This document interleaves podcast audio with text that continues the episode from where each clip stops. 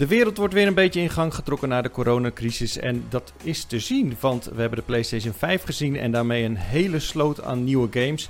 Heel erg vet natuurlijk. Ehm, er zijn allemaal nieuwe Pokémon games aangekondigd. En eh, we gaan het hebben over The Last of Us 2. Heel kort dan, want het is uh, themaweek en er is al genoeg over geluld. Uh, maar we gaan dat in elk geval doen met Florian en Jacco in een nieuwe Powerpraat. Hallo heren. Hallo hey. daar. Ja, hartstikke leuk dat jullie er zijn. Zeker. Het is uh, zeker Florian. Ik heb jou nog eigenlijk nooit in deze, op deze manier gezien in Powerpraat. Dus uh, van harte welkom. En dat is niet uh, zomaar. Het is dankzij... vorige keer hadden we met Michel hadden we, wat gear op kunnen sturen... dankzij onze partners Blue en Logitech. In jouw yes. geval is dat ook het geval. Jij hebt ook een Blue Yeti, toch? Ja, ik heb een Blue Yeti mic nu staan en een, een Logitech webcam... Ik heb het ook echt net binnen. Ik heb het allemaal net aangesloten. En het was eigenlijk plug and play. En uh, hallo, hier ben ik. Ja, nou, super cool. Je, je, klinkt goed. Je ziet er strak uit. De, de, grap was ook inderdaad. Ik had die stream gezien van, uh, van Michel. Hoe die dat uh, had opgenomen met een aardappel. En toen wist ik meteen van oké, okay, dit, dit gaat hem niet worden. Ik moet ook even knappe shit fixen. ja, dus, je stuurde me meteen een appje. Hey, kan, ja. kan ik ook niet even wat leuks doen voor, voor Blue en Logitech? Precies, nou, ja. Want ik miste, ik miste dit wel een beetje. Dus uh, fijn dat ik, uh, dat ik lekker mee kan doen. Ja, nee, leuk dat je er was, man. En, en jammer dat je niet de dozen achtergrond hebt. Zoals we die zagen in de Last of Us stream. Ja, ja, ja dat, zijn wel, uh, dat zijn wel nog de dozen. Maar het, oh, het zit een ja. beetje achter me, inderdaad. Ja, nee. klopt. Ja, ik heb een shitload aan dozen. Dit is echt nog maar een gedeelte eigenlijk. Maar zit er Waarom... spullen in? Of moet je dat, ja, ook, moet je, moet je dus... dat uit, uitpakken of zo? er zaten ooit spullen in, zeg maar. Maar het zijn vooral dozen van al mijn oude consoles van special oh. editions, uh, van, van dat soort dingen. En dat bewaar ik. Ja, ja snap want... ik. Doe ik ook. Serieus? Ja, niet alles, maar wel dingen waarvan ik denk, nou, dat heeft nog wel waarde of zo. Of ik heb me... Ja, ik, ik ook zeker niet alles, weet je. Ik, gebruik, ja. ik, ik, ik bewaar echt niet dozen van, van weet ik veel, toetsenborden of, of dat soort dingen. Maar uh, ja, van vette shit wel, zeker. Oké, okay. maar hou je ze dan ook uit de zon bewust en zo? Dat je later nog... nee, nee, nee, dat we niet, nee. Want ik zie, ik, ik, ik zie dat op de redactie wel eens liggen. Dan heb je echt zo'n oude doos van een uh, Super Nintendo of zo. En die is helemaal gewoon bijna wit geblakerd door de zon, weet je. En dan denk ik van ja, ja nou, precies. Het had evengoed nog gewoon eentje van PostNL kunnen zijn van vorige week, zeg maar.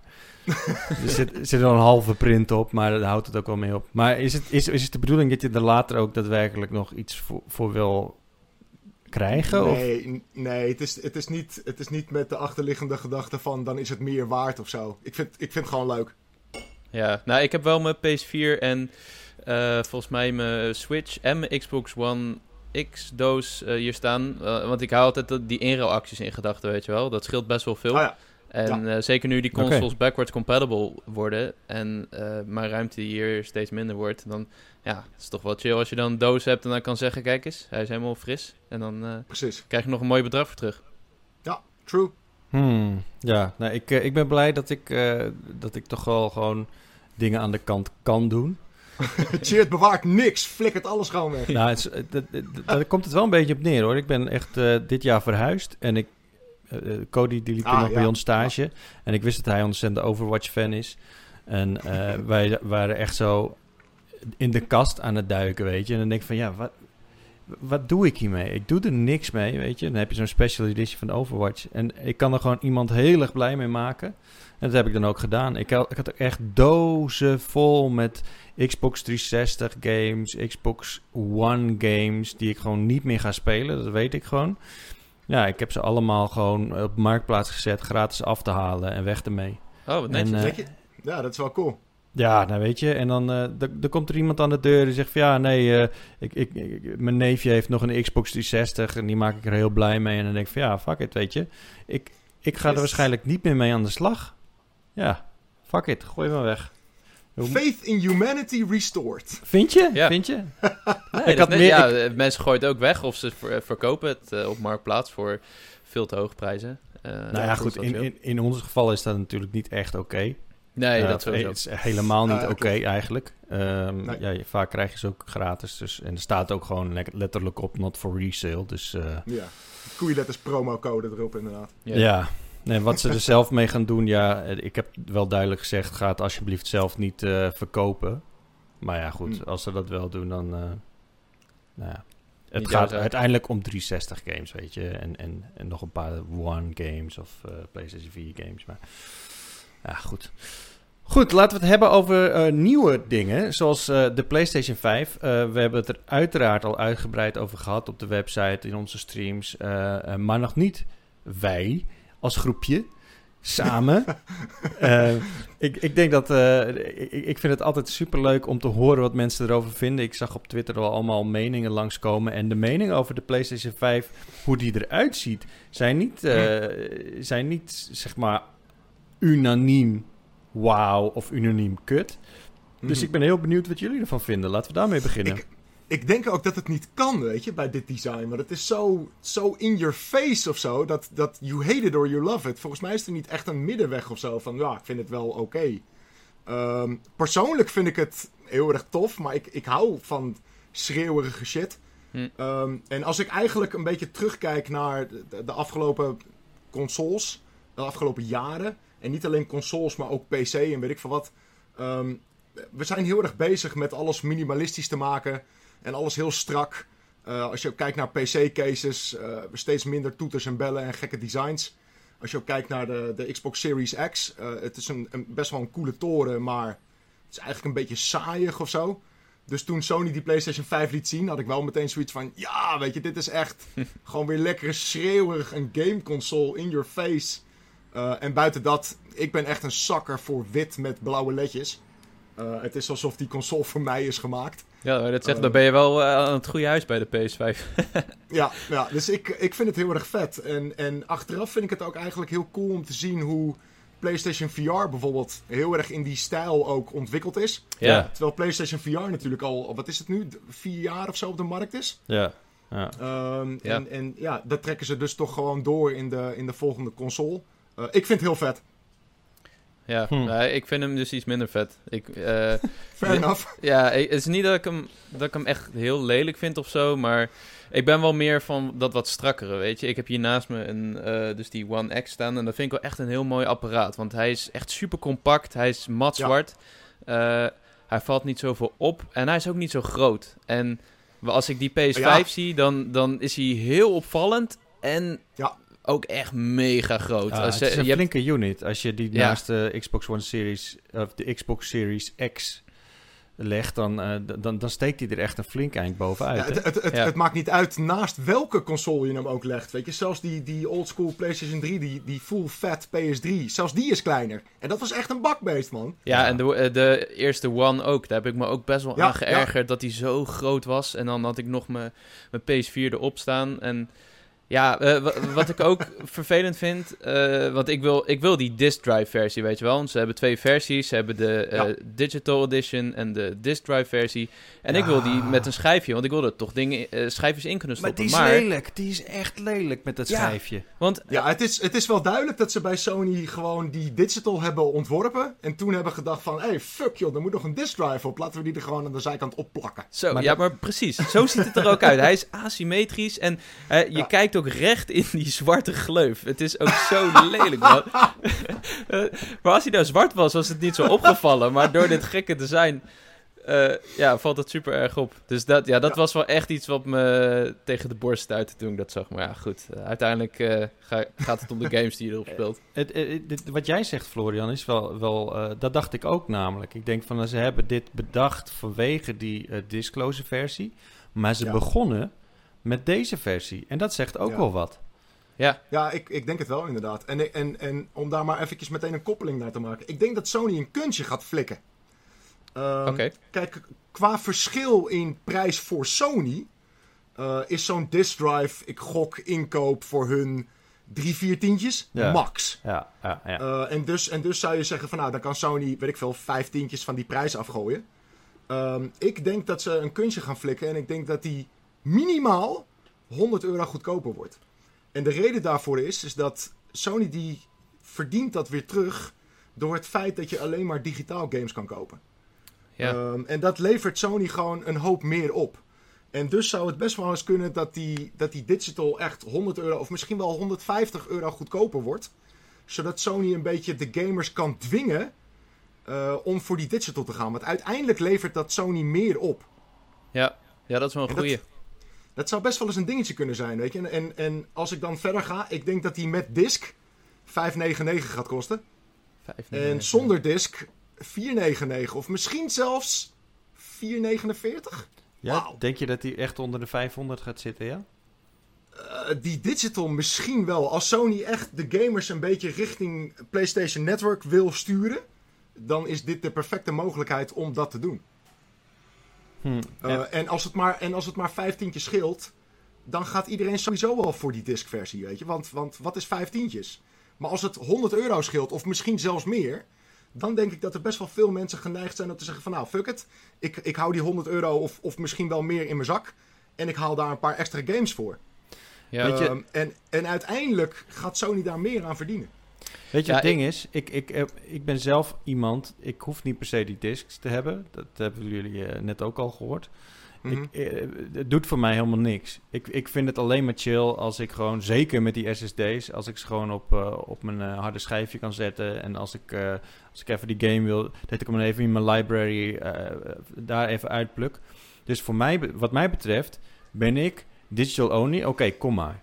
Het enige probleem is straks, stel je voor ehm, dat, eh, weet ik veel, dat er iemand eh, op mijn verjaardag komt en denkt van, nou, ik neem even een, eh, een game mee voor Cheert. Ja. En dan krijg ik een disc. En dan, weet je, wat, wat doe je er dan mee? Dus dan moet je hem weer in gaan wisselen of zo. Ja, het is ook niet, het is echt super onhandig. En ook, Ja. en ook voor ons werk, weet je. De, de ene keer krijgen we een downloadcode, steeds meer, steeds meer. Maar we krijgen ook Ja. regelmatig nog steeds een diskje. Ja, Ja. Dat sowieso. En wa- wat ik me ook heel erg afvraag is... eh, eh, winkels, de retailers, zijn natuurlijk heel erg afhankelijk van de verkoop van die fysieke games. eh, en juist niet van de PlayStation Store. Dus ik ben benieuwd of die winkels niet juist die disc drive versies een beetje naar voren gaan schuiven. Of misschien Ja. eerder korting Zeker. erop geven. Of misschien wel helemaal niet die Digital Edition inslaan. De, want die hebben natuurlijk ook... ja, die, die, die profiteren er niet van als Sony die, dis- die Digital Edition veel goedkoper maakt, zeg maar. Nee, en buiten dat, daar kan je gif op innemen, eh, zal er een grotere marge zitten op de versie met disk drive. Ja. Eh, en dat betekent dus dat de winkels helemaal niks verdienen aan die digital edition. Eh, want die, die wordt al weet je, nog meer naar beneden gehaald qua verkoopprijs. Ja. Ehm, en dus inderdaad, wat je zegt, weet je, zo, of, eh, alle winkels die, die zullen de normale versie gaan pushen, inderdaad. Maar Eh, gaat dit niet gewoon een beetje veranderen wat, wat mensen in de winkels gaan verkopen en kopen? Ik bedoel, eh, uiteindelijk is een doosje ook maar een doosje. Zit, eh, er zit een disk in. Maar vaak moet je daarna nog steeds 50 gigabyte downloaden. Sure, maar het, het is nog steeds gewoon iets fysieks. Jawel, wel, maar, maar het, het- kan natuurlijk ook zo zijn dat je, dat je straks een soort van een doosje kan kopen met gewoon een code erin. Ik bedoel, dat gebeurt Oh, nu ja. al, weet je? Ja, ja. Het is niet Ja, per of- definitie dat... Kijk, het is, eh, uiteindelijk Ja. komt het neer op window shopping, weet je? Eh, je even een winkel inlopen en je gaat een beetje op covers af... en eh, op de achterkant van het doosje even kijken... nou, wat is dit nou precies? Wij misschien niet per se, maar het is natuurlijk wel een enorme groep aan moeders, vaders... mensen die niet zoveel met games hebben... die gewoon even kijken van, oké, wat, wat hebben we, weet je? Eh, wat, wat zijn het voor dingen? Wat, wat zijn de games die er nu in de winkel liggen, weet je? Ik vind, ik vind het wel een interessant punt, omdat bij films bijvoorbeeld zie je al heel vaak dat als een film gereleased wordt, dan kan je de Blu-ray versie kopen bijvoorbeeld. Eh, maar er zit vaak ook gewoon een downloadcode bij, zodat je hem ook digitaal kan checken op, op een platform. Super chill Eh, ook. Dus zeker. Dus waarom zou dat niet bij games kunnen? Inderdaad, waarom zou je niet een disc kunnen kopen, maar daar zit ook gewoon een downloadcode bij. Dus of je nou voor die digital gaat of niet, je kan nog steeds naar de winkel om fysiek een doosje in je, in je hand te houden. Te checken of het wat voor je is en, en dat mee naar huis toe te nemen. Nou, ja, er zit alleen een code in. Het zou heel goed kunnen. Ja, ja, er zit nog wel met het probleem natuurlijk... wat eh, ja, voor de gemiddelde consument denk ik niet heel veel uitmaakt. Maar eh, er zijn ook heel veel mensen die willen toch wel graag een game fysiek hebben... omdat het dan ook echt hun eigendom is en niet een licentie, Ja. zeg maar. Want uiteindelijk koop je een licentie met die code... en die kan altijd weer verlopen als je...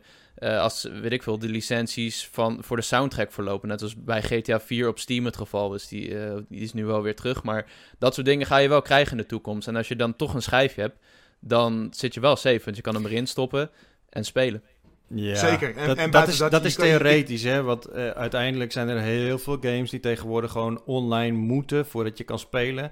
En op het moment dat je hem of digitaal hebt of met een diskje, dan maakt het uiteindelijk gereed uit, weet je. Uh, als je online hmm. moet en, en, die, en hij wordt, zeg maar, uh, teruggetrokken, zeg maar, uit, het, uit de library, ja, dan ben je gewoon fucked.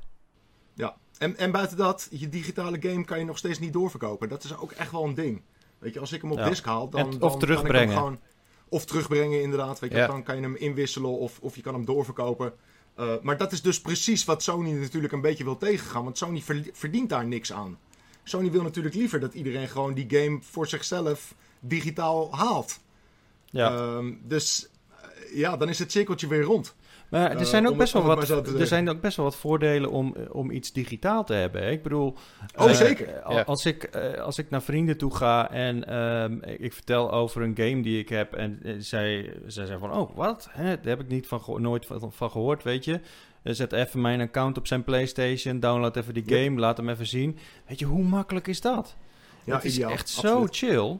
En dat soort dingen, dat is, dat is voor mij echt een uitkomst. Zeker omdat ik, ik, speel veel thuis natuurlijk, maar ook op de redactie. Ik hoef helemaal niet na te denken over een schijfje mee te nemen of wat dan ook. Het is echt, uh, wat mij betreft, vind ik, ik vind digitaal echt perfect.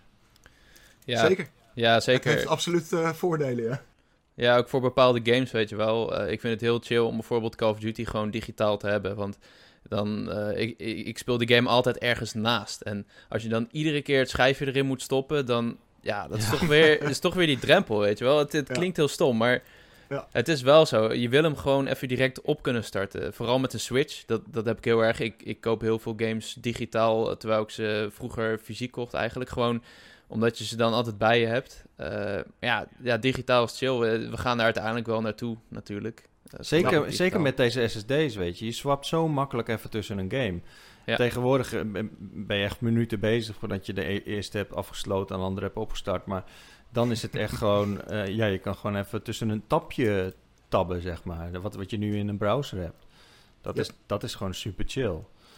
Um, Eens. Maar goed, uh, ja, ik, ik, ik moet wel even een beetje wennen aan het, uh, aan het design.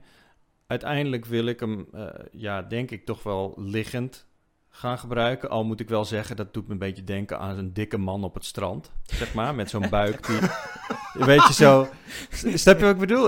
aan de ene kant is hij heel dik. En aan de andere kant is hij zo dun, zodat hij een beetje zo... Een beetje hangt op zijn buik. Thanks, Chert. Once you see it. ja, ik snap helemaal wat je bedoelt. Ja. Ja, ja. En ik vind die symmetrie ook uh, van, van die disk drive vind ik echt verschrikkelijk. Maar goed, uh, en hij is me wat te groot. En hij past totaal niet in mijn, uh, in mijn interieur. Dus ja, ja, ik ben er geen fan van nu. Maar het kan ook best wel zijn dat ik over een half jaar denk van... Fuck, ik vind hem eigenlijk best wel cool. It'll grow on you. Ja, en zeker als die, zeker als die, uh, die ledjes, die blauwe ledjes, dat je die gewoon ook van kleur kunt veranderen, weet je zelf. Ik denk dat, dat, je daar nog wel leuke dingen mee kan doen. Ja. Alright, laten we het hebben over de games. Goed. Ik wil graag van jullie weten wat je top 3 is van de games die je hebt gezien tijdens de presentatie. Daar ben ik wel benieuwd naar. Oeh. Uh... Op, op nummer 3. Kena. Ja. Kena, ja, Kena. Ah, shit. Ja, ja, ja echt super cool. Die animaties zagen er echt heel erg vet uit. Uh, die jongens die zijn blijkbaar ook uh, bekend met animaties en met, uh, met films. Ja, uh, Amber. Het zag er echt verbluffend mooi uit, inderdaad, Amber. Um, en de gameplay vond ik ook heel erg cool. Het, het lijkt een beetje Pikmin-achtig. Ja. met, die, met die super schattige kleine beestjes. Ja, super harig zijn ze ook. Echt zo ja, knuffelbaar. Oh man, ik, ik, ik zag ze één seconde en ik dacht meteen al, fuck, I want one. Ja. Um, oh, ja, nee, echt. Ik denk dat Sony je covered heeft hoor. dat denk ik ook wel, want er komen plusje beestjes vanuit en alles. Um, dit, ja, Kena was een beetje mijn surprise van de show eigenlijk. Cool. En, dat is op en jij, uh, Jacco, nummer drie? Uh, ja, ik twijfel nog steeds een beetje. Maar ik denk dat ik toch voor Spider-Man Miles Morales mm. op 3 ga. Uh, het, er, is, er is natuurlijk een beetje uh, verwarring rondom deze game. Want e eerst leek het gewoon een, uh, eigenlijk Spider-Man 2. en toen was het weer een remaster ja. en standalone uitbreiding. Maar ja. hoe ik het nu... Het, het is gewoon een nieuwe game. Maar eh, hoe je het denk ik een beetje moet interpreteren... een soort van Uncharted Lost Legacy-achtig eh, titel. Wat, een Ja. beetje een, uit de hand gelopen uitbreiding voor de eerste Spider-Man. Wat, wat ik echt super vet vind, man. Want eh Miles Morales is een super vet personage. Hij heeft allemaal eh, eh, krachten die hij in de eerste game natuurlijk niet had. Hij kan onzichtbaar worden. Hij heeft dat, ja, dat elektriciteitsgebeuren. En het speelt zich weer af in New York, volgens mij. Ik weet niet Ja. of ik dat goed... Ja. Ja. Maar, dan, maar dan mooier en volgens mij ook in de winter. Dus ja, eh, Ik, ik denk dat daar de verwarring ook vandaan kwam. Omdat het, het speelt zich gewoon soort van af in het eerste deel. Weet je wel? Ja. Dus de, de hele omgeving en zo is hetzelfde. Alleen dat is natuurlijk geremasterd voor de PlayStation 5. ja. Eh, en ik denk dat daar de verwarring vandaan kwam. Maar Ja, het is natuurlijk precies. ook best wel logisch, toch? Ik bedoel, eh, Spider-Man is eigenlijk gewoon, gewoon een superheld die, die vooral in New York eh, City rondhangt. Toch? Sure. Ja, En, sure. en, en je hoeft die hele stad niet nog een keer te maken. Dus ik, ik begrijp het eigenlijk wel. Alleen het is wel super onhandig gecommuniceerd. Ja, absoluut. ja. Maar inderdaad, eh, het, het is gewoon een soort van The Lost Legacy. Dus ik denk ook, eh, hij zal wat korter zijn dan het eerste deel. Ja, helemaal Eh, prima. Maar, eh, zeker, maar wel langer dan de gemiddelde DLC. Dus ehm, ik denk ook dat die niet full price wordt. Ehm, ik ben down hoor. Zeker ook omdat nu kunnen ze het zeg maar als launchtitel flikken. Ehm, ja, helemaal vet. ja. Ja, ik ben ook wel benieuwd. Ik moet wel zeggen dat ik eh, de eerste Spider-Man nog steeds niet heb gespeeld. Oeh, really? Oeh. Ja, dat was net in die periode dat, eh, dat ik gewoon even niet eh, aanwezig was. En, eh, ah, ja, oké. En Het toen zou ik nog, vergeven. ik zou nog een, ik zou nog een diskje krijgen van eh, wie, eh, ik weet niet meer wie. En, en nou, die vergat een keer mee te nemen. En toen dacht ik, nou ja, om dan nou de hele tijd om te blijven zeuren, nou ja, fuck it. Toen dacht Volgens ik, ik, ko- hem- ik koop hem wel eens een keertje. En nou ja, goed. En, en, en inmiddels is het alweer zo lang geleden. Volgens mij kan je hem echt voor 15 euro oppikken ergens. Ja, dat Ja. kan het. Maar goed, ik wil doen, geen, doen echt. ik wil geen disk drive meer. game. Dus eh, ik, heb, ik heb de disk drive dichtgeplakt met kauwgom. Om alvast te wennen. Ja. Op mijn nummer drie eh, staat eh, Jet, The Far Shore. Of de, hè, wat was Oh ja, ja, ja. Oké. Ja, The Far Shore. Ja, het is zo'n... ehm, eh, de, de- de aarde is helemaal onbewoonbaar geraakt en de mens die gaat naar, eh, eh, naar de ruimte. En je hebt daar zo'n soort van eh, ruimteschepen en ze gaan dan op zoek naar nieuwe werelden, zeg maar. Deed me heel erg denken ook aan... nou goed, hoe heet Tikkie nou? No Man's Sky. Ja, een beetje No Man's Sky. Maar gewoon Ja. heel duister, heel mysterieus, spacey, avontuurlijk. Muziek was fantastisch. Ehm, ik dacht, ik had daar wel echt het gevoel bij van... hé, hey, dit is wel echt iets nieuws. En hier, hier wil ik wel eens een keertje goed naar kijken. Hopen dat het niet een beetje zo'n eh, indie game is... Waar, eh, wat in principe meer eh, stijl dan, Ja.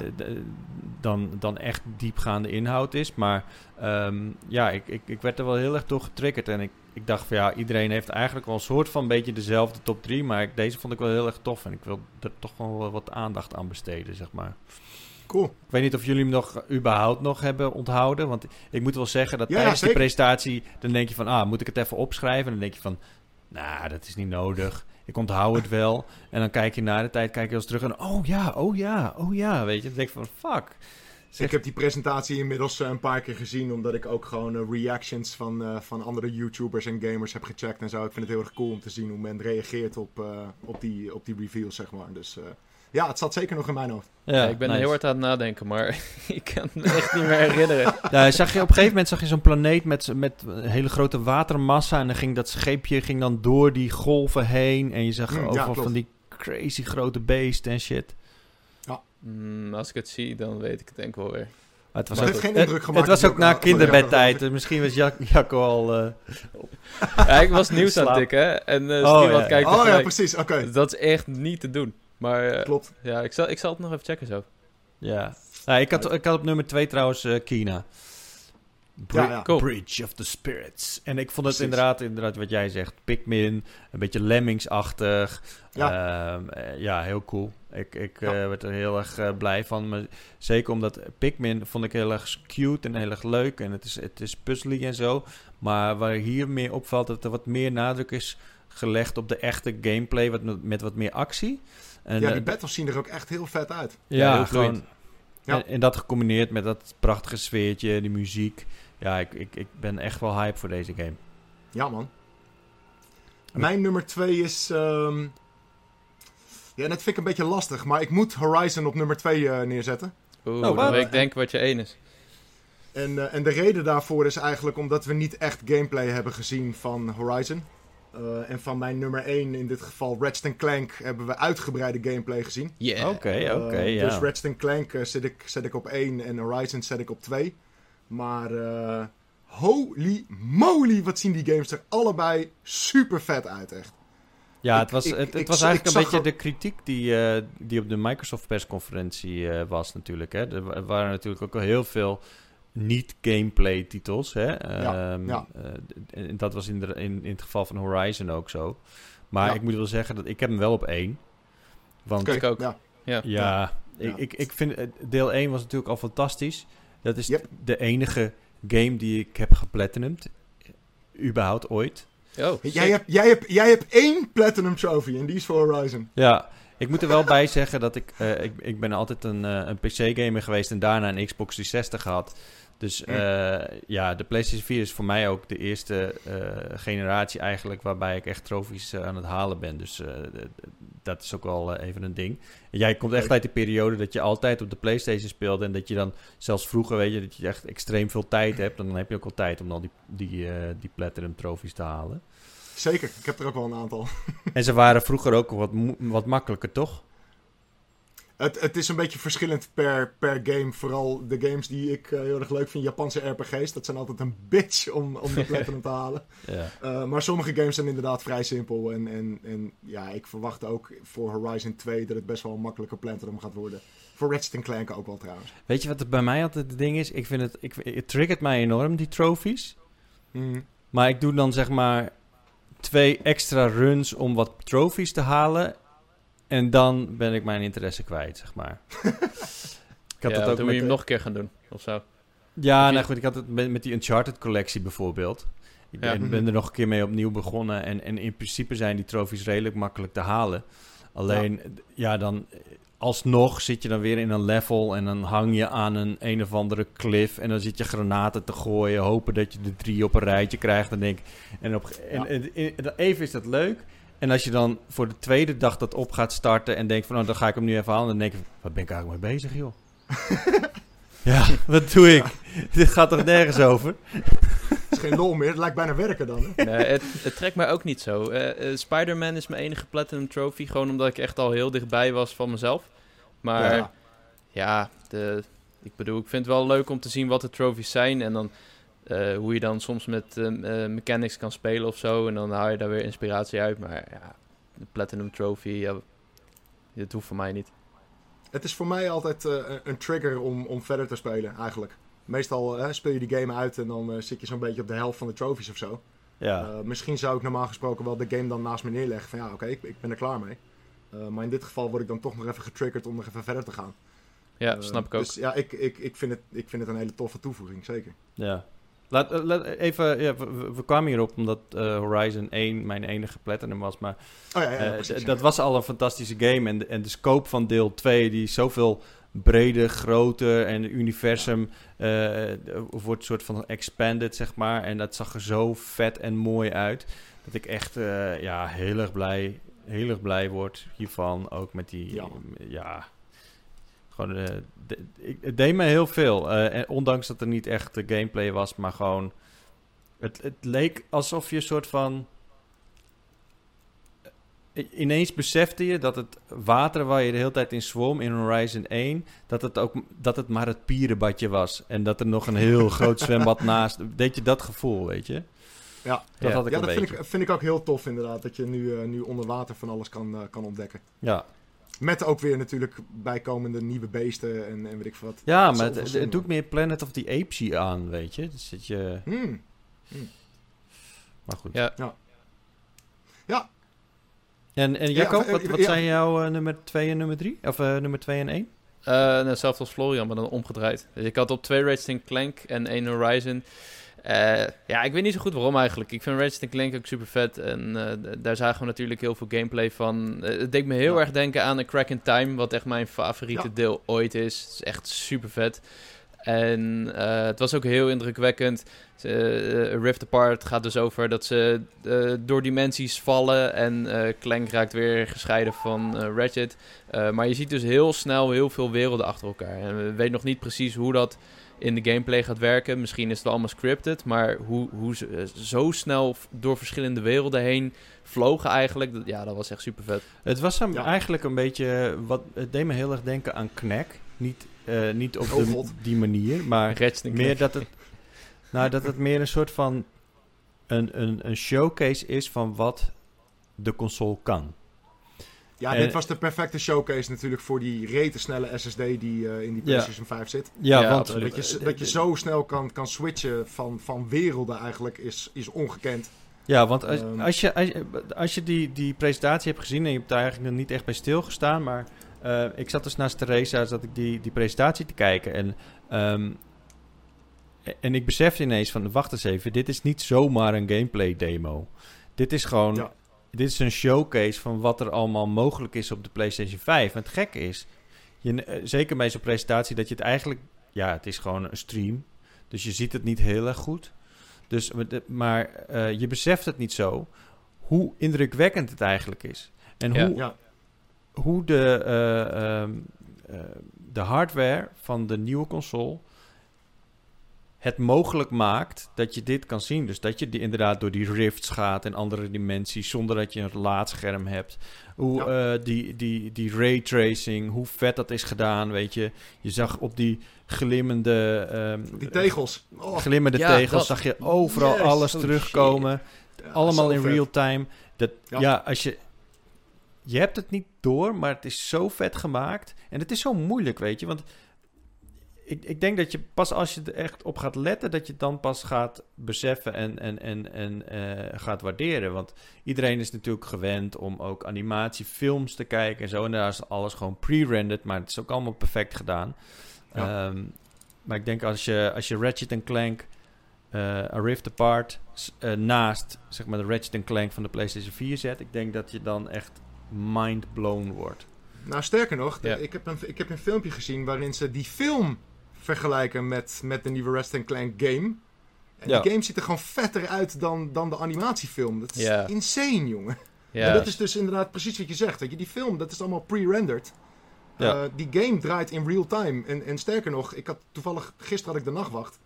En uh, op de Twitter van Insomniac zijn heel veel gamers die zeggen van ja, weet je, dit kan niet echt zijn. Het, het moet haast wel een, een zwaar gerenderde eh, versie zijn van gameplay. Uh, en Insomniac heeft nogmaals laten weten van... nee jongens, dit is gewoon echt gecaptured van een PlayStation 5. Dit is de game. Ja, ik zag ook van, dat, uh, van een analyse dat mensen wat uh, frame drop spotten, volgens mij. Dat, ja, ja. Maar dat is tof, want daardoor zie je wel echt inderdaad dat het gewoon live footage is van een PS5. Dus, ja, eh, de, de, tweede switch ook uh, in zo'n zo'n Rift, zeg maar, die is niet helemaal perfect. Daar hapert hij een beetje. Ja. En eigenlijk is dat een soort van goed, want daaraan kan je zien dat, ja, we worden niet genept hier. dit, is, dit is echt de game, alleen nog niet helemaal geoptimaliseerd. Ja, ja dat is nice. En je zag ook... Mindblowing. Als je die, op een gegeven moment maak je echt heel veel van die robots van kant en liggen overal van die stukjes robot en dat bleef allemaal liggen en ik dacht echt van holy shit man. Je bent al zo gewend dat, dat er gewoon pop-out is, weet je. Uh, dat het ineens gewoon allemaal weggaat in de kortste keren op het moment dat het te veel wordt, maar dat dat nu blijft liggen. Ja, ik, ik, ik was wel echt onder de indruk van. Ook al ben ik niet echt per definitie een Ratchet Clank, uh, Clank fanboy of zo. Ik, ik, ik vind het leuk, maar meer dan dat ook niet, weet je. Voor mij is het een beetje... Net als met Skylanders vind ik het leuk om even te spelen, maar... Ja, op een gegeven moment, het, het raakt me niet echt meer. Vergelijk je Ratchet Clank nou met Skylanders? ja, nou, het is wel... Vergelijking, nou, ja, in, mijn optiek wel. Ik vind het wel een beetje vergelijkbare games. Uh, De gameplay is, is gewoon een beetje schieten, een beetje, een beetje platformen, weet je. Ja, ik, ik, ik, ik snap ook dat het voor jullie anders is, maar ja, het is niet echt iets wat mij, uh, wat mij heel erg lang kan boeien, zeg maar, zoiets.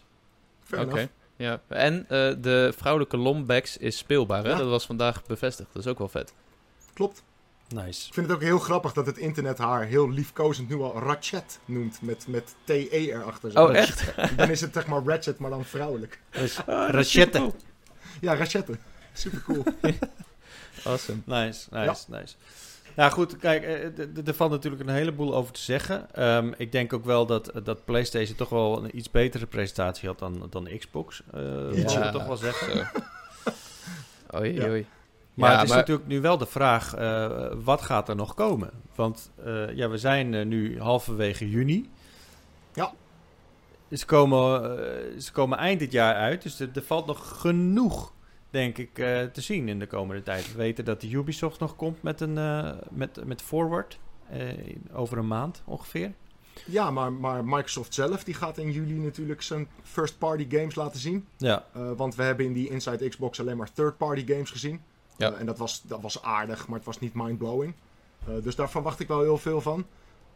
en, en er zijn ook heel veel berichten dat die Sony-show die wij hebben gezien, dat dat pas het eerste deel is. Ja. Uh, er zijn heel veel uh, geruchten van developers uh, die zeggen van ja, die show is in tweeën geknipt. en in augustus komt het tweede deel. Ja, ja dat had ik dus ook gehoord dat, inderdaad. Dus dat zou heel goed kunnen inderdaad. Dus ik, ik verwacht nog wel een hele hoop vuurwerk de komende maanden hoor. Ja, en nee, ik, ben ook, ik ben ook super benieuwd wat er nu allemaal gaat komen. deze week komt bijvoorbeeld de IE ook nog. En we hebben ja. een soort van uitgesmeerde E3. Yep. Is het iets wat jullie bevalt? Of heb je zoiets van, nou, geef mij gewoon maar die normale E3. Maar ik weet dat ik ja. voor Jan hoef ik dat niet te vragen, maar... Nee, ik mis de E3 wel, hoor. ja. ja, ik ook. Ik mis het wel. Ja. Het maar is het is, toch... het is wel zo. Kant, dat, ik snap... Ik, soort... la, laten we het nu even, even bekijken vanuit het uh, perspectief van bijvoorbeeld Sony. Juist. Er is veel meer focus op wat zij nu hebben gedaan... dan... Ja wat er tijdens een E3 zou zijn gebeurd. En het kost veel minder geld. Echt. Ja, dat ook. Echt veel minder. Want je wil niet weten wat Sony betaalt voor zo'n stand of zo, weet je, op de E3. Dat is echt gigantisch. En dan doen ze daarna doen ze ook nog zo'n grote persconferentie.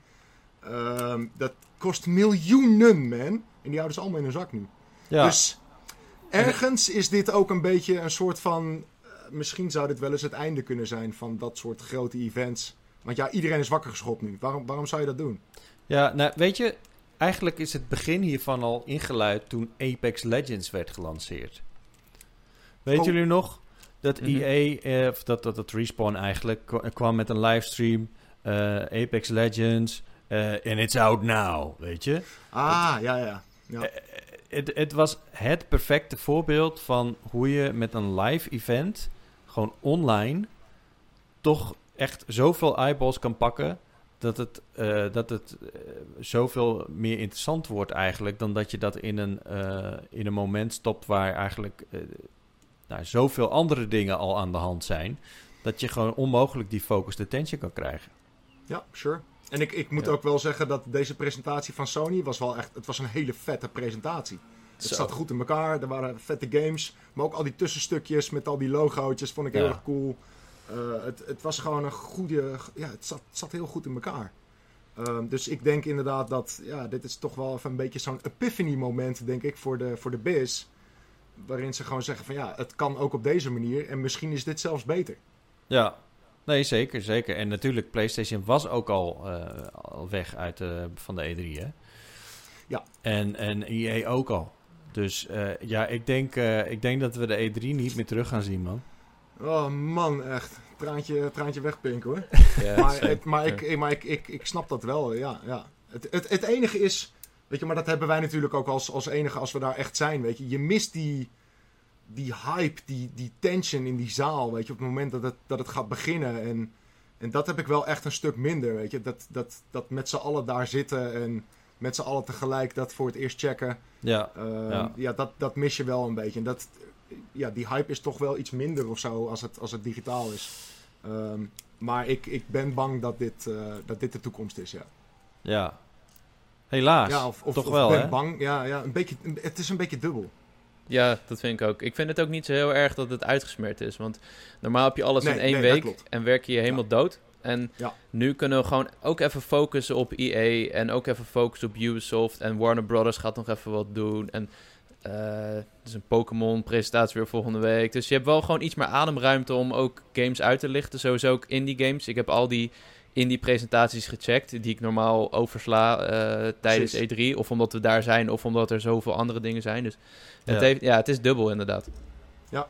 ja, ik zou het heel vet vinden als we gewoon nu een beetje een soort van met de beers kunnen afspreken van laten we juni gewoon wel houden.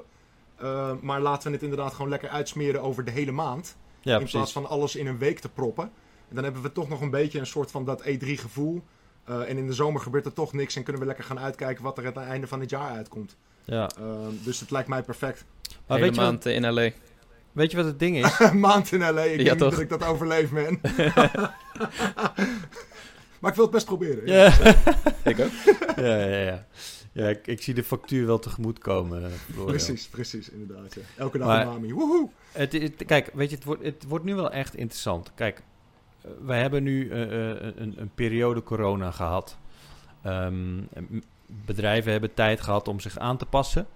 Um, Er zijn natuurlijk, zeker in deze business, zit, hebben we echt te maken met gigantische projecten die, die, waarbij alles al vaststaat voor een uh, hele lange tijd.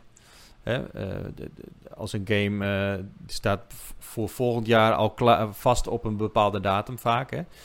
Um, maar wat, wat we nu zien, dat publishers langzamerhand overgaan op een ander model.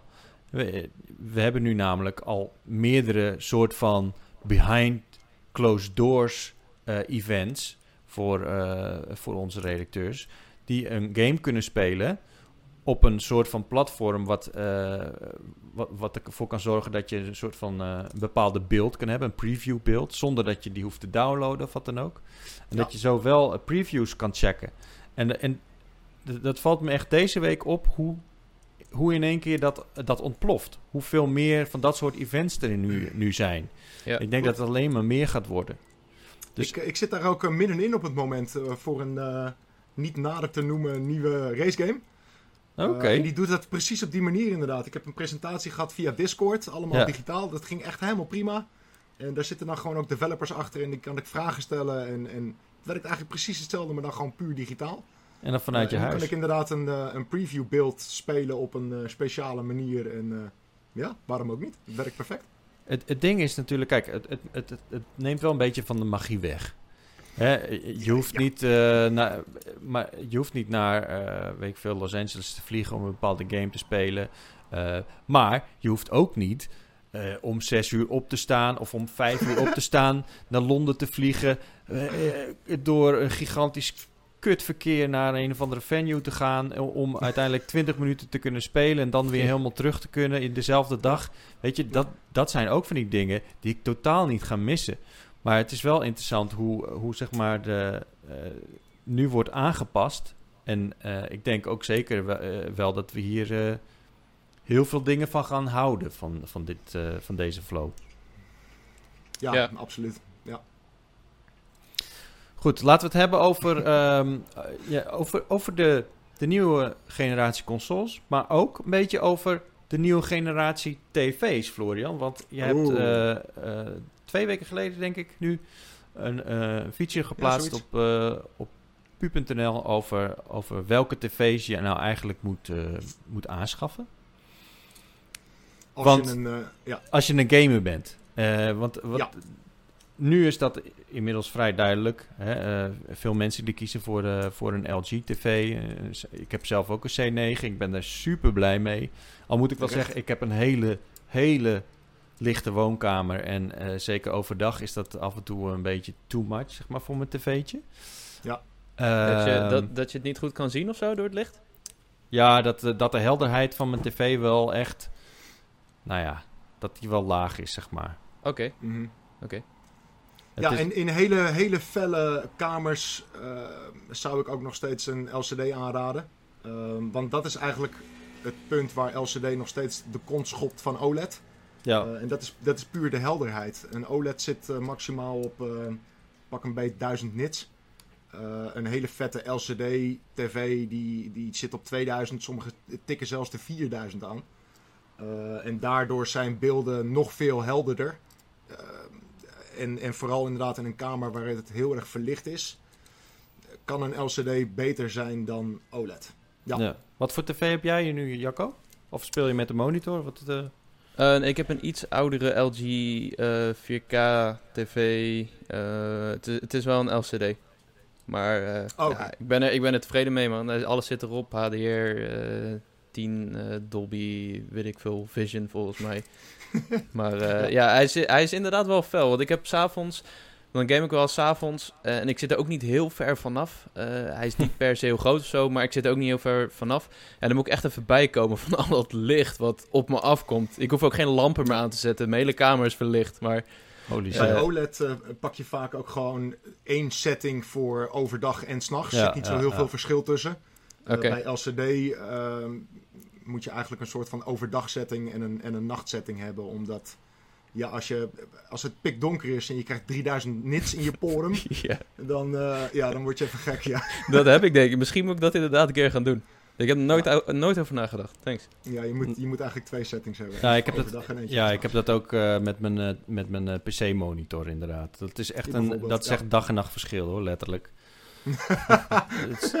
Mooi man. Ja, maar laten we het even hebben over Um, wat, je, zit eigenlijk al, al jaren zit je te preachen over, uh, over uh, tv's en waarom het belangrijk is dat je bepaalde settings nodig hebt. Wat hebben we nodig voor deze next-gen consoles in een nieuwe tv? Vertel dat eens even. Um, heel makkelijk gezegd is het, is het belangrijk dat een nieuwe tv HDMI 2.1 ondersteuning heeft. Um, en dat heeft te maken met de resolutie met de framerate. En het heeft te maken met een aantal features die HDMI 2.1 met zich meebrengt. Uh, om het heel simpel te zeggen, om 4K 120 frames per seconde um, door te voeren vanaf je console naar je tv, ja. heb je HDMI 2.1 nodig. Omdat HDMI 2.0, waar we nu op zitten, uh, die stopt bij 60 hertz. Oké, okay. maar die kan wel 4K aan, hè? Ja, ze kunnen wel 4K 60 hebben, maar ze kunnen niet 4K 120 hebben. Ja. En dan kan je natuurlijk afvragen van ja, welke games gaan dat ondersteunen? Dat is mhm. zeker een goed punt.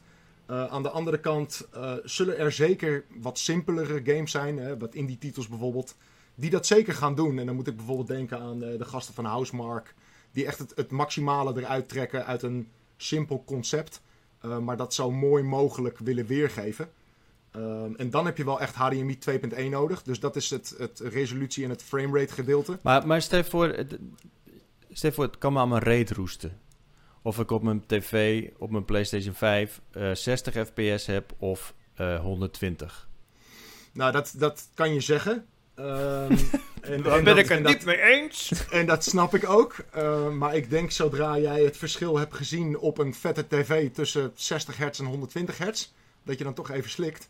Uh, maar inderdaad, 4K 60 is een beetje natuurlijk de sweet spot, om het maar zo te zeggen. PC-gamers die, die zijn er al een tijd mee bezig. Uh, en dat gaat nu eindelijk ook naar de next-gen consoles komen. Dus, dus oké, weet je, die 4K 120, dat, dat, daar valt nog wel iets over te zeggen. Van nou, dat heb ik allemaal niet nodig of zo. Ja. Um, zeker. Maar er zijn ook andere features die wel interessant zijn, waaronder bijvoorbeeld variable refresh rate. Ah. En, dat is, en dat is eigenlijk een soort van, uh, weet je, wat je ook op AMD, of, AMD uh, videokaarten hebt of op Nvidia videokaarten. Uh, dat je dus geen uh, tearing meer hebt in je scherm. Ja. Letterlijk jouw scherm update op het moment dat jouw videokaart er nieuwe frames uitpoept. Dus dat is zeg maar de G-Sync en de FreeSync. Precies, inderdaad. Uh, en dat is, dat, is, dat is wel heel erg interessant, omdat ja, de nieuwe consoles gaan dat ook ondersteunen. De Xbox One X ondersteunt dat zelfs al. Uh, dus dat is wel een dingetje. Dan heb je daarnaast heb je de Automatic Low Latency Mode. En dat betekent eigenlijk dat elke keer als jij je console aanzet, dan pakt je televisie automatisch de allerbeste settings die er zijn. Dus hij zet hem automatisch in game mode, zet alle processing software zet die uit, zodat je de allerlaagste vertraging kan hebben in je, in je paneel. Ja. Uh, dus dat is ook zeker wel belangrijk. En een, een goed voorbeeld daarvan is, is dat uh, ik sprak Wouter, en dat is best wel weer een paar jaar geleden hoor. Uh, sprak ik Wouter en toen hadden we ook allebei dezelfde televisie. En Wouter die belde me op een gegeven moment en hij zei van ja, mijn beeld ziet er zo gek uit of zo. en ik met hem door de alle settings heen gelopen. Ik zei ja, weet je, hoezo ziet het er raar uit? En toen zei ik op een gegeven moment van, dude, je hebt er wel game mode aanstaan, weet je wel? Ja. En, hij, en hij echt, huh, game mode? nee? En ik echt, oh, holy shit, echt. dus voor mensen zoals Wouter is Automatic Low Latency Mode fantastisch. Want hij zet hem dus altijd automatisch in game mode en, en alle settings en weet ik veel wat. Ja, ik heb dat ook wel eens. Hè. Dan, ik, ik schakel vaak naar HDR helder en naar HDR game. Uh, maar dan vergeet ik hem wel eens te verstellen. Dan ben ik Call of Duty aan het spelen en dan denk ik... Fuck, wat is er mis met mij vandaag, man? Dan ga ik de hele tijd dood en ik, ik raak geen schot. En dan denk ik... Oh, wacht eens even. En dan ga ik kijken en dan staat hij op HDR helder. Ja, maakt zoveel verschil. Ja, dat, dat scheelt echt heel veel. Uh, die OLED'jes die zitten zeg maar buiten game mode zitten ze rond de 100 milliseconden. En in game mode zitten ze op 13 milliseconden. Het verschil is gigantisch, jongen. Dus uh, ja, ik heb Wouter keihard uitgelachen. Want die heeft gewoon jarenlang gespeeld met, weet ik veel, 80 milliseconden vertraging of zo. Echt hilarisch. En de grap is ook, hij had hem omgezet en toen zei hij ook van... Wow, dat is een verschil, hè? Zeg, ja, gozer, ja. die tv al vijf jaar staan, weet je. Nou, goed. Het is ook wel interessant wat voor... Uh, wat voor ontwikkelingen er zijn. Hè? Want we hebben natuurlijk jarenlang hebben wij uh, als PC-gamers toch wel gedacht. Nou ja, weet je, PC is echt zeker op het gebied van shooters is het echt ongeëvenaard als je kijkt naar, de, naar gaming monitoren en tv's. Als, je, als, je, als je een shooter op een pc gewend bent en je gaat een shooter spelen op... Ik heb dat regelmatig gehad op de, op de redactie, weet je, dat we, Call, of Duty gingen, dat we Call of Duty gingen spelen op, uh, op een 4K tv van, uh, van drie jaar geleden of vier jaar geleden. Ja. Uh, en, en dat ik dan denk van, oh man, het is ook niet... Het is, het is, als, je zo, als je snel gewend bent, dan is het gewoon niet te doen. Weet je, je bent het gewoon. Dus, eh, maar dat is, ja, dat is precies mijn punt, weet je. Je kan wel zeggen van ja, die 120 frames per seconde, dat boeit me niet. Maar dat, het boeit je wel, geloof me. Ja, nee, in mijn geval wel. Ik begrijp, ik begrijp Gamers, het zeker helemaal. Maar ik heb het nu over de verversingssnelheid. Hè. En wat mij wel opviel, want wij, de, de komende tijd komen er heel veel uh, toffe dingen aan. Uh, voor game tv, op game tv gebied op, op pu.nl en op gamer.nl. Want jij mag een aantal nieuwe tv's kan je testen. Yes. maar wat, wat me vooral opvalt, is dat, um, dat nu zeg maar de echte 4K OLED-tv's OLED stond echt bekend om een paneel wat eigenlijk uh, nou, een hele lage reactiesnelheid had, toch? Um, het, op, vooral op het begin hadden ze inderdaad flink van dat soort kinderziektes, maar die, uh, die zijn er aardig uit allemaal. Ja, dus uh, binnenkort kan je aan de slag met die LG CX. Ja. Um, en ik zag dat, dat die een verversingssnelheid heeft van 1 milliseconde. Dat is gewoon hetzelfde als mijn gaming monitor. En het is een 65 inch scherm. Ho, ho stop, wacht. Nu, nu haal je twee dingen door elkaar heen namelijk. Ja, latency bedoel je. Juist. Je hebt zoiets oh. als latency en je hebt zoiets als pixel-to-pixel response noemen we dat. En daar is een OLED heel erg goed in. En het is een heel technisch verhaal, maar om het heel simpel uit te leggen. Op een LCD, als je bijvoorbeeld met de camera beweegt, dan krijg je daar vaak nogal een, een beetje een soort van zwarte waas achter elkaar, achteraan, inderdaad. Ghosting. En dat betekent gewoon dat de pixels in het paneel kunnen niet snel genoeg switchen van kleur. Ah. En dat is het hele ding. En OLED is daarin ontzettend snel. En daardoor krijg je uh, nooit van dat soort ghosting artifacts, noemen ze dat. Uh, het blijft scherm, uh, scherp. Die pixel response is rete snel in een OLED. En mede daardoor zien games er ook zoveel vetter uit op een OLED dan op een LCD.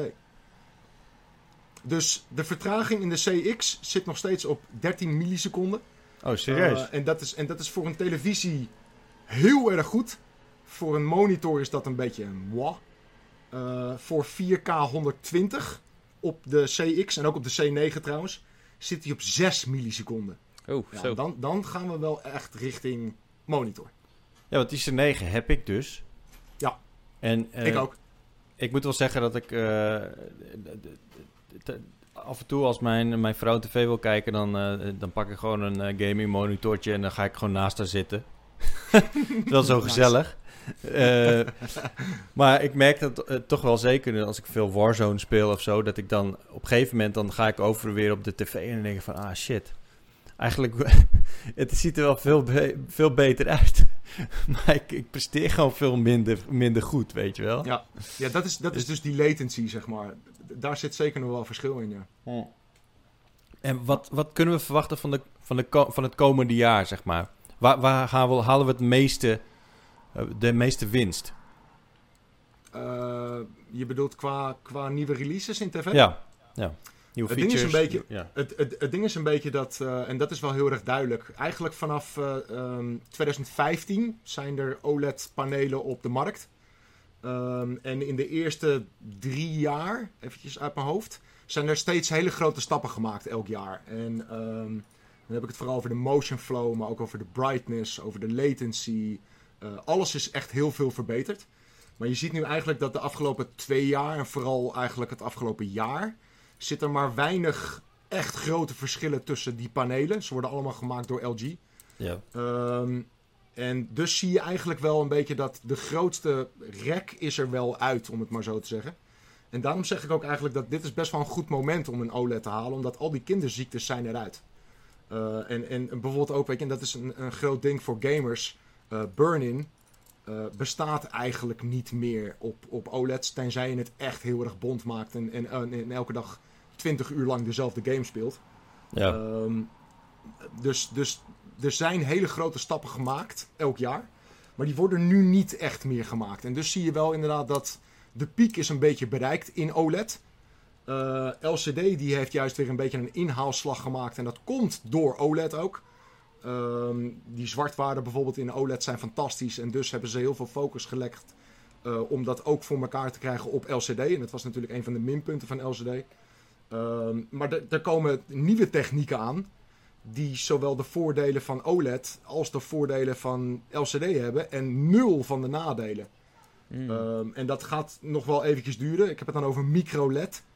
Eh, Samsung die is daar heel erg mee bezig. Die verkoopt nu de eerste 77-inch micro-LED tv's. Ze willen de prijzen niet vertellen. Dat betekent gewoon die- 77 inch. Holy shit. Ik heb ook een 77-inch nu staan trouwens in de Wat? woonkamer. Doe normaal, joh. Ja, Oh, zeker. Shit. Ehm, Ja, dat maar past niet hoor, dus, bij mij. Alles past. Ehm, en, en dus er komen hele vette nieuwe technieken aan, maar die zijn peperduur. Eh, het gaat echt nog een paar jaar duren voordat dat een beetje massaproductie wordt en echt een beetje voor de consument. Dus dit is eigenlijk een beetje het moment om een OLED te halen. Ehm, of een super high-end LCD-TV die in de buurt komt van de, de features van een, van een OLED. Ja. Ehm, maar de, de stappen elk jaar worden steeds minder groot. Ja. Hm. Ja. Dan even, eh, gewoon even samenvattend. Wat, wat zijn nu de tv's eh, als je voor een OLED wil gaan, die, je die je eigenlijk wel moet gaan halen? Het, het ding is een beetje dat eh, eigenlijk als enige is, neemt LG gamers echt serieus. Ehm, op elke tv zit natuurlijk wel een game mode. Maar de ene game mode is de andere game mode niet. Absoluut niet. Eh, bij LG bijvoorbeeld zitten we dus op hè, 13 milliseconden vertraging. Dat is echt heel erg goed. Eh, maar als je bijvoorbeeld kijkt op de Sony OLED'jes, dan zit je op het dubbele, 30 milliseconden. Eh, Panasonic is zelfs nog ietsje meer. Ehm, dus ik zou zeggen, ja, je moet voor een, voor een LG gaan. En dan is het nog een beetje de vraag van, wil je de volle map neertellen voor een CX? Want dat is de 2020 model. Of ehm, kan je misschien ergens een 2019 model, de C9, vinden voor een, voor een mooi prijsje? Want het verschil tussen die twee is gewoon niet zo heel erg groot. En het verschil wat er tussen zit, is niet zo interessant voor gamers. Dus er zit bijvoorbeeld een nieuwe processor in, in de CX ten opzichte van de C9. Waardoor die bijvoorbeeld weer wat beter kan upscalen. En als jij bijvoorbeeld, eh, ik noem maar wat, eh, een DVD kijkt of zo. Maar als Dan is je dat niks kan scalen, Maar Ja. als er niks te scalen is, inderdaad, omdat jij 4K-games aan het spelen bent, ja, dan, dan heb je niet zo heel veel aan die features. Dus ik zou zeggen, hou dat extra geld in je zak, want er zit best wel een groot verschil in, in prijs. En, en check of je een C9 kan vinden. ja. Ehm, ja, dat is nog, ja, nog steeds wel eh, een, beetje, een beetje het ding inderdaad. Van ga voor een, voor een LG OLED. Want eh poeh, het is vet hoor. ja. En, en die Dus- C9's en de CX hebben allebei ook vier keer een HDMI 2.1 poort. Eh, het is de meest future-proof televisie van het moment. Ja. Dus als je niks kan scalen, dan eh, moet je gewoon voor de C9 gaan. En als het je wel kan scalen, dan moet je voor de CX gaan. Bedoemd. Oh. Zoiets en, en, en als we het over LCD-tv's hebben? Eh, ja, dat, dat vind ik persoonlijk moeilijker, omdat... eh, Omdat jij een OLED-fanboy bent. Omdat ik ten eerste een OLED-fanboy ben. En ten tweede ben ik een ontzettende... Ik kijk echt met een soort van haviksoog naar, naar LCD-tv's en überhaupt naar tv's. En ik zie gewoon kleine dingetjes in LCD die mij tegenstaan. En die zie ik vooral in ehm, instapmodellen en zelfs middenklasse LCD's. En dus echt in mijn hoofd zijn eigenlijk alleen echt die, die super high-end LCD-tv's soort van goed genoeg om te concurreren met, met OLED. Uh, maar die tv's zijn vaak zelfs nog duurder dan, dan OLED's. Dus ja. Um, eigenlijk, eigenlijk zeg ik, en, en dan ga je natuurlijk heel hard lachen, maar eigenlijk zeg ik alleen boven de 77 inch moet je een LCD gaan halen. Of als je echt in een kamer zit, inderdaad, die van alle kanten uh, niet verduisterd kan worden. Um, dan is een LCD ook wel interessant. Maar eigenlijk zeg ik, jongens, ga lekker voor een OLED. Maar okay. Eh, stel je voor, je wil wel een LCD-TV hebben. Waar, hmm. moet, waar moet je volgens jou het meest op letten? Wat zijn de dingen waarvan je denkt van, nou, als je dan toch voor eentje gaat... Het, het, het, ding bij LCD is dat je heel erg moet kijken naar welke techniek ze gebruiken voor de backlight. Uh, bij OLED lichten de pixels onafhankelijk van elkaar zelf op. Ja. Uh, en bij LCD zit er een, een, een, gigantisch paneel achter met een... Het is gewoon een lichtbak eigenlijk. En die schijnt door de pixels heen. En daarin heb je twee technieken. De eerste techniek noemen ze edge lit. En dat betekent dat eigenlijk de, uh, het licht vanaf de zijkanten van het paneel wordt ingeschenen. Dus het zit niet aan de achterkant, maar aan de zijkanten. En je hebt, uh, en dat noemen ze full array local dimming. En dan zit het aan de achterkant en dan zitten er letterlijk dimming zones voor die bak met licht. Waardoor ze heel erg plaatselijk het licht kunnen dimmen. Waardoor het weer een beetje in de buurt komt van wat OLED doet eigenlijk. Ja. Een edge-lit televisie... Uh, niet zo lid. Ja, is niet zo lid inderdaad. Uh, zit vol met, met, met technische nadelen. Het is helemaal uh, nits. Het is helemaal nits inderdaad. Um, ik ben geen fan van edge-lit. zwart is niet zwart, zwart is grijs. de kleuren die vervagen door elkaar heen. Uh, je wil eigenlijk een full array local dimming LCD televisie hebben. Maar nogmaals, je betaalt daar echt de hoofdprijs voor gewoon. Dat heb ik volgens mij, full array local dimming. Dat heb ik wel. Dat zou, dat zou kunnen. En, en, en, en daarin zijn er dan ook nog eens verschillen met hoeveel van die local dimming zones heeft hij dan. Je hebt bijvoorbeeld een, een full array local dimming televisie met 12 zones. Maar je hebt ook televisies met 2000 zones. Oef, oké. Okay. Um, en daar, dat verschil is zo groot, omdat weet je, hoe meer zones ze hebben, hoe meer ze het plaatselijk kunnen dimmen. En je dus ook geen blooming effects krijgt en, en, enzovoort enzovoort. Het, het wordt heel technisch, maar... Ja, even uh, dimmen, Floor. Ja, precies. Uh, dus, lang verhaal kort. Ga voor een OLED. Tenzij je echt heel veel geld te veel hebt, dan kan je best voor een, een super high-end LCD gaan, ja. Maar we hebben het echt over duizenden en duizenden euro's. Ja. Aldus Florian, onze OLED-fanboy. ja, precies. OLED is, is gewoon een beetje op het punt gekomen nu dat... Uh, want er is nu ook een 48 inch voor dit jaar. Uh, en die gaat echt wel richting de 1000 euro straks. Dus straks heb je voor 1000 euro heb je echt een super vette OLED staan. En voor 1000 euro heb je gewoon een beetje een instapmodel LCD. En je moet dat gewoon niet doen, man. Dan ga een OLED halen. Alright. Dankjewel Florian voor je uh, expertise over tv's. En je kan de komende tijd op pu.nl en op gamer.nl uh, meer lezen over uh, nieuwe tv's. En ook op ons YouTube kanaal. Um, yes. Jacco, we moeten het nog even kort hebben over Pokémon. Want er is vandaag, we nemen het vandaag op woensdag nemen op, is er een, ja, is er meer nieuws gekomen over nieuwe Pokémon games. Waaronder ja. een tandenpoets game. What the fuck is going on, man? Ja, ja, het, is, het was een soort van vervanging voor hun persconferentie. Uh, eigenlijk een soort van business meeting. Die doen ze ieder jaar of elke twee jaar. En ja, dit jaar deden ze die digitaal. En die hebben ze een beetje gecombineerd met wat nieuwe aankondigingen. En een van die aankondigingen was Pokémon Smile. En dat is dus een, een tandenpoets game. Ja, gewoon voor kinderen die het niet leuk vinden om tanden te poetsen. En dan kun je zeg maar Pokémon vangen door... Ja, ze lopen een soort van rond op je tanden... En dan, als je ze dan, als je dan uh, lang genoeg in één gebied poetst, dan kun je ze vangen. Nice. En, What the fuck, echt? Ja, ja, maar ze doen wel meer van dit soort dingen. Ze hebben ook Pokémon Sleep nog in ontwikkeling. Dus dan kun je een soort van je Pokémon trainen door te slapen. En dan gaat je telefoon je slaapgedrag meten of zo. Uh, dat zijn een beetje van die gekke zijprojecten die ze hebben. Maar uh, er waren ook wel toffe dingen. Er was uh, een nieuwe Pokémon Snap aangekondigd. Pokémon Snap vragen mensen echt al heel lang om. Dat was een Nintendo 64 game waarin je soort van in een mijnkarretje op een eiland vol met wilde Pokémon foto's moest maken. En dan ja, moet je ze uiteindelijk al, allemaal op de foto zetten. en dan is professor ook de, die gaat je dan beoordelingen geven. En ja, die beoordelingen sloegen eigenlijk nergens op. Want als je een kont van een Pokémon had gefotografeerd, kreeg je bij wijze van spreken vijf sterren. En als je een mooi plaatje had, kon je ook drie sterren krijgen of zo. Maar ja, dat, dat is heel tof. Dat ze oh, uh, toch, uh, ja, oh snap. Ja, toch wel vet dat ze dat eindelijk gaan doen. het wordt ontwikkeld door Bandai Namco, zag ik net toevallig nog.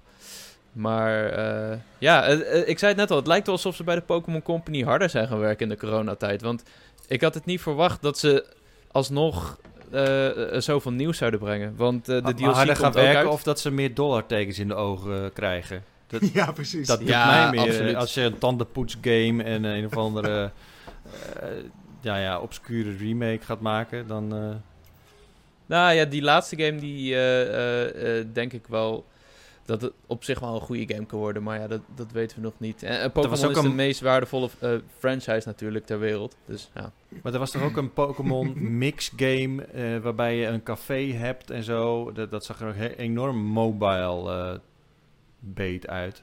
Ja, ja, dat is ook niks voor mij. Maar dat is inderdaad een beetje zo'n mobile puzzle game. Waarbij je met microtransactions minder lang hoeft te wachten of zo. Of je kan wat extra shit kopen dat, ja, dat, het is best wel jammer dat ze de, die franchise op die manier gebruiken. Maar ja, goed, uh, ze moeten ook geld verdienen en uh, dat is... Uh, dat maar word jij als Pokémon-fan hier nou echt warm van? Of denk je van, ah, you're ruining my franchise, man? Nou, ze doen het al zo lang dat het me niet echt heel veel meer uitmaakt. Maar waar ik wel heel warm van werd, is dat ze volgende week dus nog een presentatie gaan doen. van een nieuw groot project waar ze aan werken. En uh, ik hoop dus dat dat de Gen 4 remakes zijn. De remakes van Diamond, Pearl en Platinum. De eerste DS-games waar ik echt mega veel uren in heb gestopt. En mensen ook echt heel lang omroepen. Dus ja, het, het, zou, het zou heel vet zijn. Zeker wat ze nu met de Switch kunnen. Hoe ze die wereld opnieuw kunnen maken. Uh, de DLC komt ook uit uh, op de dag dat we dit opnemen. Uh, dus daar ga ik later mee aan de slag. en het toffe daarvan is, is dat ze dus een nieuw eiland toevoegen wat echt een hele open wereld is. En ze willen dus langzaam gaan bouwen naar eindelijk een keer een echte open wereld Pokémon game. En niet meer hele lineaire routes en laadschermen, maar gewoon echt even dat gevoel van avontuur en vrijheid terugbrengen. Wat je vroeger op de Game Boy heel erg had. en als ze dat in zo'n remake doen, ja, dat zou echt super vet zijn. Maar dat, ja, dat is volgende week, dus dan moeten we even afwachten. Oké. Ik ben heel benieuwd. Ben jij een Pokémon-fan, Floor? Nee, hè? Nee, toch? Eh, vroeger vond ik het wel leuk, maar eigenlijk volg ik het al jaren niet meer. Nee. Nee. Niet, niet, echt, nee. Nou, Snap ik wel. Uh, Jacco, je, je houdt ons op de hoogte, hè? Zeker, absoluut. Oké. Gelukkig. Nou, dan gaan we hem afsluiten, deze Powerpraat van vandaag. We hebben het heel erg lang over de PlayStation 5 gehad. En we hebben het nog niet eens gehad over de verschillende kleuren die er nog uh, uit gaan komen. Ja, ja. ja. Um, ik, ik moet wel zeggen, die zwart met uh, rode, die, uh, die trekt mij wel een stuk meer dan die witte, eerlijk die gezegd. Die Spider-Man versie bedoel je? Ja. Ja, die Spider-Man ziet er ja. echt heel erg vet uit. Ja, zeker. Heel cool. En uh, ja, wat jij ook, volgens mij zei jij, jij het, Florian, dat je misschien die, die zijkanten, die, die, die witte... Ja. Nou ja, ja als, als sinds de reveal dacht ik inderdaad van... zou je die kappen kunnen verwisselen voor andere ja. kappen? En en helemaal omdat die, die uh, eh, VP van User Experience, ja. die ja, had die, ook een beetje hintjes gegeven. um, die had er een beetje hintjes gegeven van hè, dat het veel meer te customizen is. En ja. Voor mij was het echt een beetje zo'n soort van 1 en 1 is 2. Van, misschien kunnen we inderdaad wel, hè, zoals op de 360 faceplates, uh, dat, dat verwisselen voor, voor anderen. Um, zou heel vet zijn, man. En misschien kan het zelfs ook op de controller wel, omdat het lijkt echt een beetje een soort van extra kappie op de controller of zo, dat witte. Alsof het een beetje een verhoging is. Mm. Ja, I'm not sure.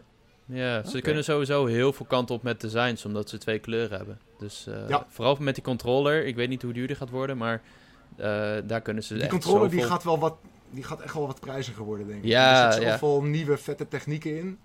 Uh, en als zelfs Nintendo 80 euro vraagt voor die, voor die controllers. Ja. Uh, dan wordt dit gewoon 100 euro voor een controller, man. Dat denk ik ook. Maar ja, ze kunnen wel echt mega veel versies in de winkel leggen van Spider-Man en God of War en wat je ook maar wil. Dus dat gaan mensen sowieso kopen.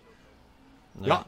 ja. ja, ja Oké heren, hartstikke bedankt voor het uh, bijwonen van deze Powerpraat. Uh, het was me waar genoegen. Um, jullie ook bedankt voor het kijken, bedankt voor het luisteren. Mocht je dat nog niet gedaan hebben, laat dan even een recensie achter op je podcast-app als je deze luistert als podcast.